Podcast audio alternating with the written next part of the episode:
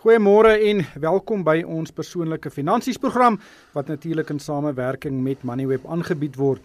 En vandag gaan ons gesels oor goud. Dit is die geel metaal wat baie mense se verbeelding al vir duisende jare aangryp. Die Egiptenare het so 1500 jaar voor Christus reeds goud as 'n betaalmiddel begin gebruik en deur die eeue is dit al baie ingespan as 'n waarborg vir ander geldsoorte, die sogenaamde goudstandaard. Nou uh, daar word al vir duisende jare na goud gekyk as 'n belegging. Dis uh, iets wat uh, in waarde toeneem en hoe meer jy daarvan versamel, hoe ryker gaan jy eendag wees. Nou ons gaan vandag oor goud gesels en oor hoe dit in 'n beleggingsportefeulje kan inpas. Om my te help saam met my in die ateljee, Nerina Visser, sy is van ETF SA. Goeiemôre Nerina. Môre ryk en môre vir die luisteraars. En uit Montetjie gesels David Melville, hy is van The Financial Hub daar in uh, in Montetjie en hy is iemand wat baie baie lief is vir goud. David, welkom by die program ook. Uh, hoekom is jy so lief vir goud? Dis 'n goeie vraag.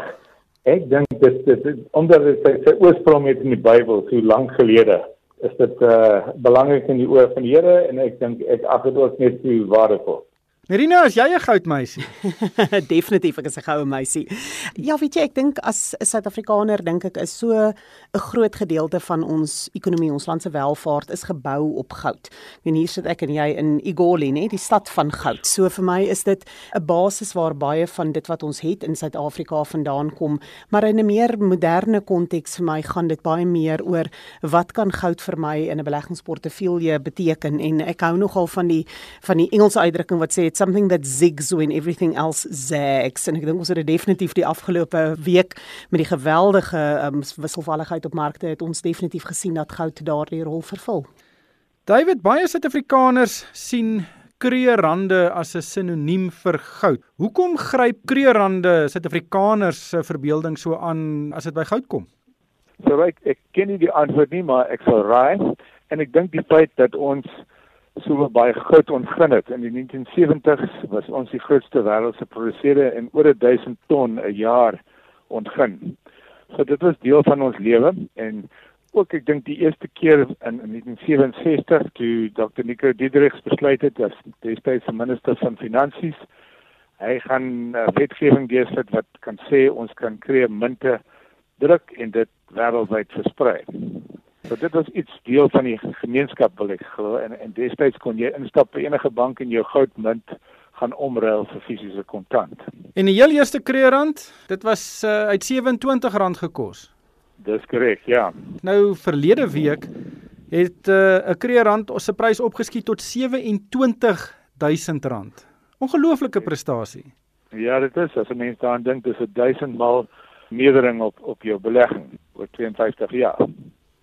Narina, natuurlik is uh, goud nou nie heeltemal die stabielste uh, bateklas as mens dit so kan stel nie, maar 1000% oor 52 jaar, dis 'n uh, taamlike goeie opbrengs. Dis definitief nie te versmaai nie. Ja, Ryk, ek dink uh, kom ons kyk 'n bietjie na wat is die kritiek teen goud as 'n belegging? Hoekom wil mense dit nie hê nie? Interessant byvoorbeeld as jy kyk na in ons pensioenfondswet en as jy kyk na veral ook in ons effekte trustwet, die Collective Investment Schemes Control Act. Jy mag nie fisiese kommoditeite besit daarin nie. En dan moet jy jouself afvra maar hoekom dan nou nie? As dit dan so 'n goeie belegging is, hoekom word dit nie toegelaat daarin nie? En die antwoord daar lê op die ehm um, kritiek wat mense dikwels kry in terme van fisiese kommoditeite, is dat hulle geen opbrengs bied nie. Daar's geen rente wat betaal word of geen dividende wat betaal word nie. En hoe kan 'n belegging dan nou van waarde wees as hy vir jou geen opbrengs lewer nie? So mense het nodig om na die beleggingswaarde van goud of ander kommoditeite te kyk vir 'n heeltemal 'n ander rede, want hy gaan nie vir jou opbrengs gee nie. Met ander woorde, dit is daardie kapitaalwaarde hoe in in hoe mate dit toeneem met verloop van tyd. En dan natuurlik soos ek aan die begin ook gesê het die die diversifikasie wat jy kry die feit dat dit die waarde van van goud bly baie is baie wisselvallig met tye maar is dan ook dikwels baie meer stabiel tydens tye van geweldige onsekerheid.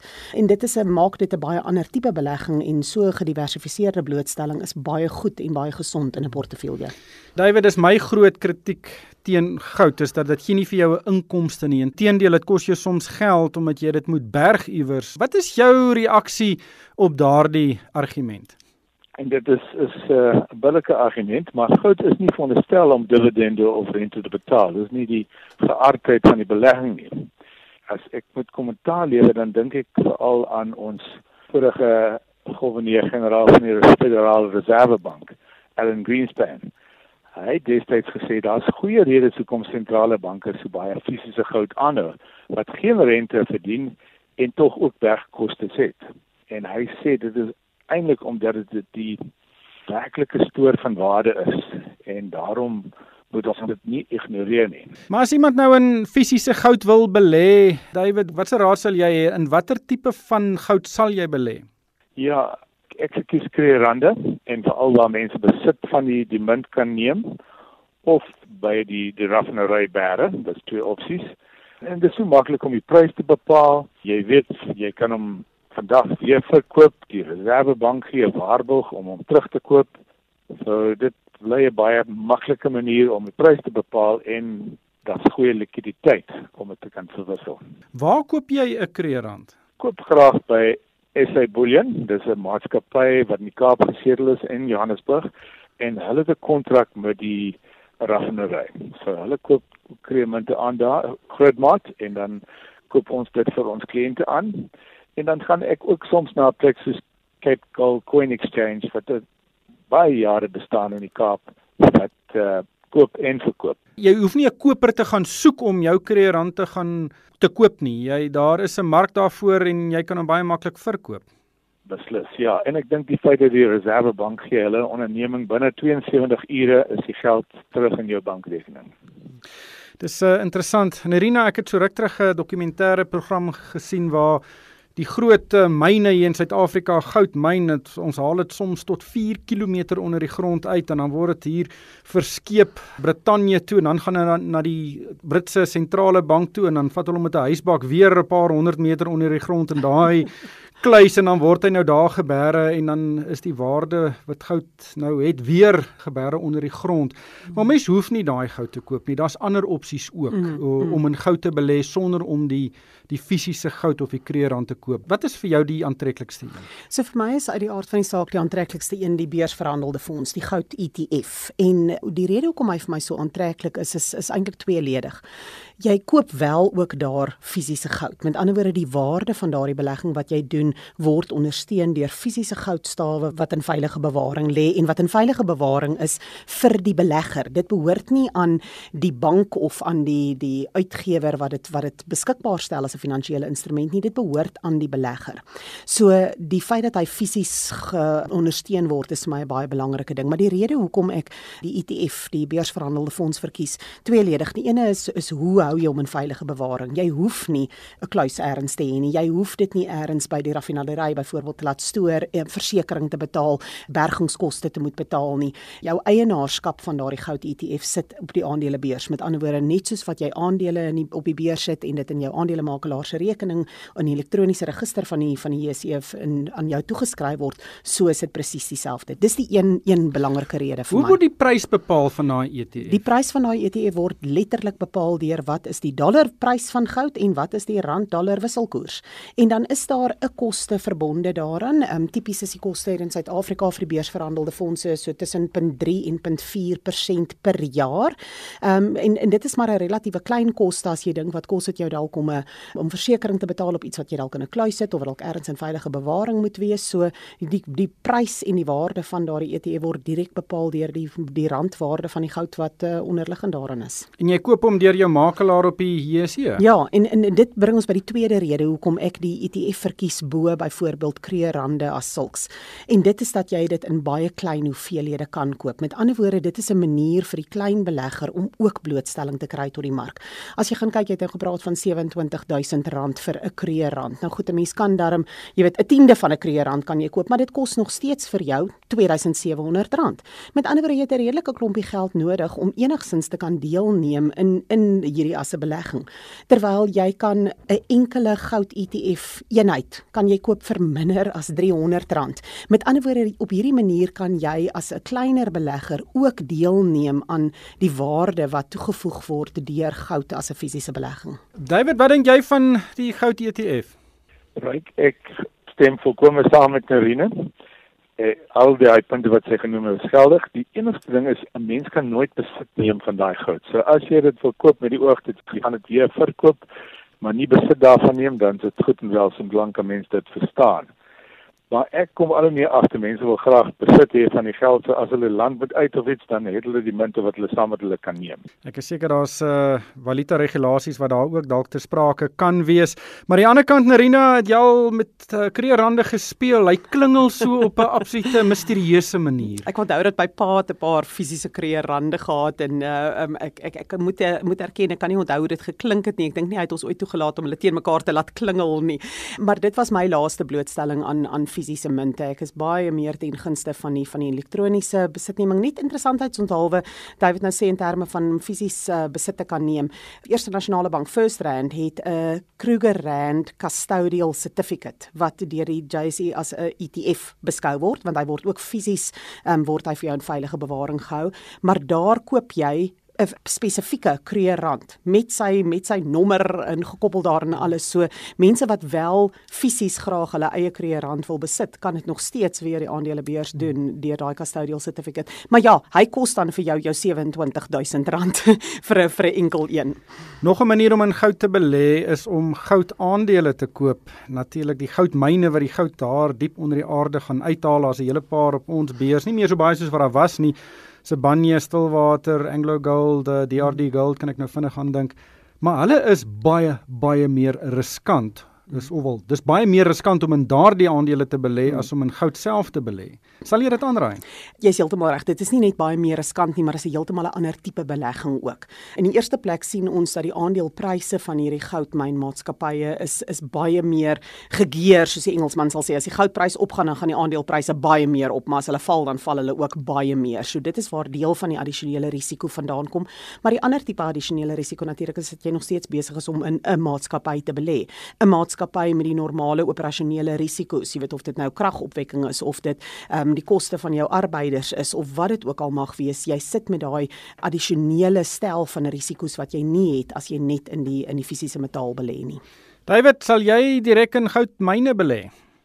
Beslis, ek dink dit is altyd wys as 'n mens verstaan waaroor die risiko gaan om in beide te belê.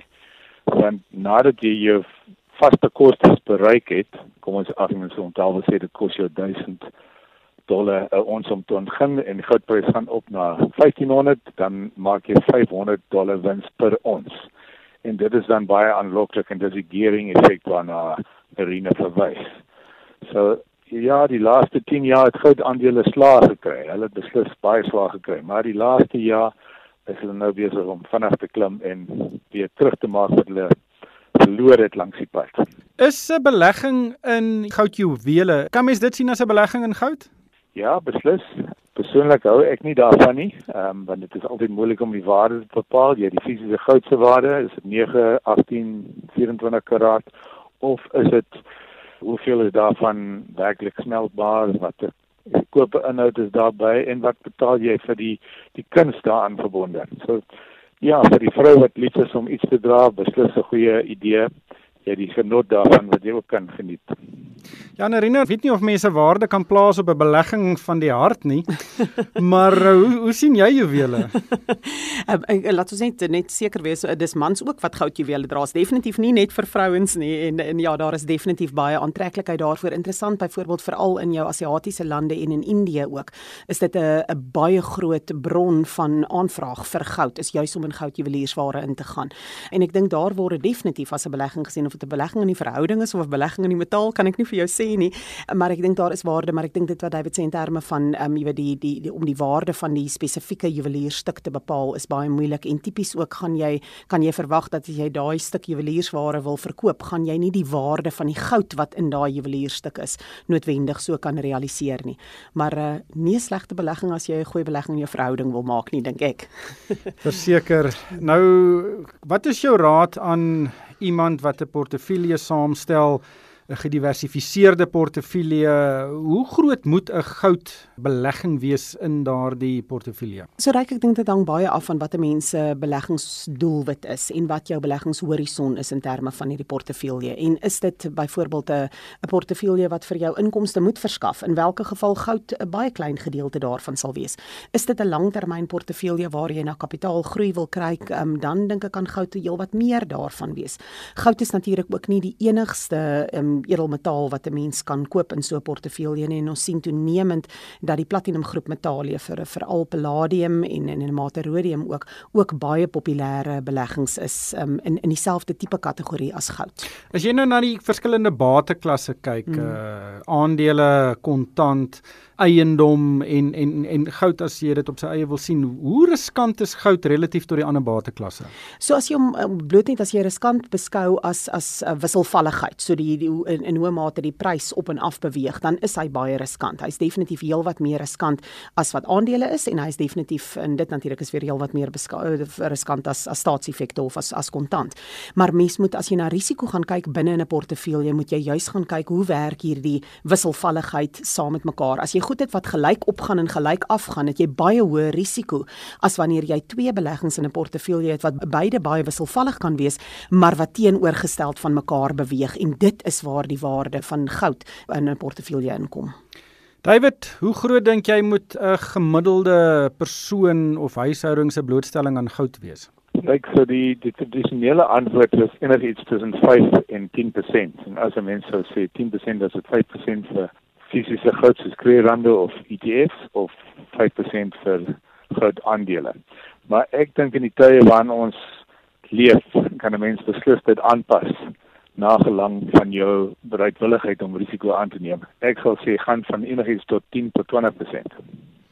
Ja, dit is wesenlik jou ervaring Suid-Afrikaners is hulle genee om sulke groot blootstelling aan goud te hê. Nee, hulle is nie. En en daar is 'n baie negatiewe stem wat kom van die tradisionele fondsbestuurders wat nou nie goed sal eers aanbeveel, hulle sal dit heeltemal misloop. So ongelukkig is daar negativiteit, maar die slim belegger sal sy huiswerk doen en en meer die kennis op datum kry en dan sal hy meer bereid wees om daarin te belê. Sal jy goud koop teen die huidige prys? Ek weet nie of dit 'n retoriese vraag is of nie, maar maar sal jy? Ja, ek sal. En vir twee redes, ryk goud in in dollar terme het 'n hoogtepunt van 1921 bereik in 2011 net na die groot finansiële krisis. So ons is nou relatief nog 300 dollar weg van daai hoogtepunt. So enige iets tot daai tyd sal nog 'n goeie loopie wees dink ek. En dan ons sit met die probleem dat die rand het 'n geweldige probleem, hy verloor sy waarde.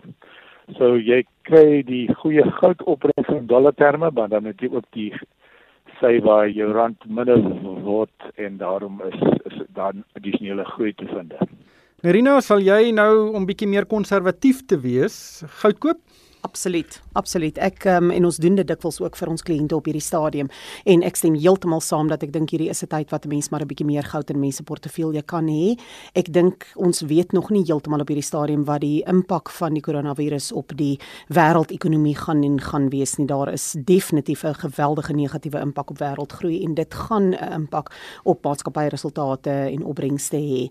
So ons moet verwag dat meer tradisionele beleggings soos aandele gaan vir die afsienbare toekoms dink ek nog baie swaar kry en dan is 'n belegging in goud dink ek definitief nie te versmaai nie.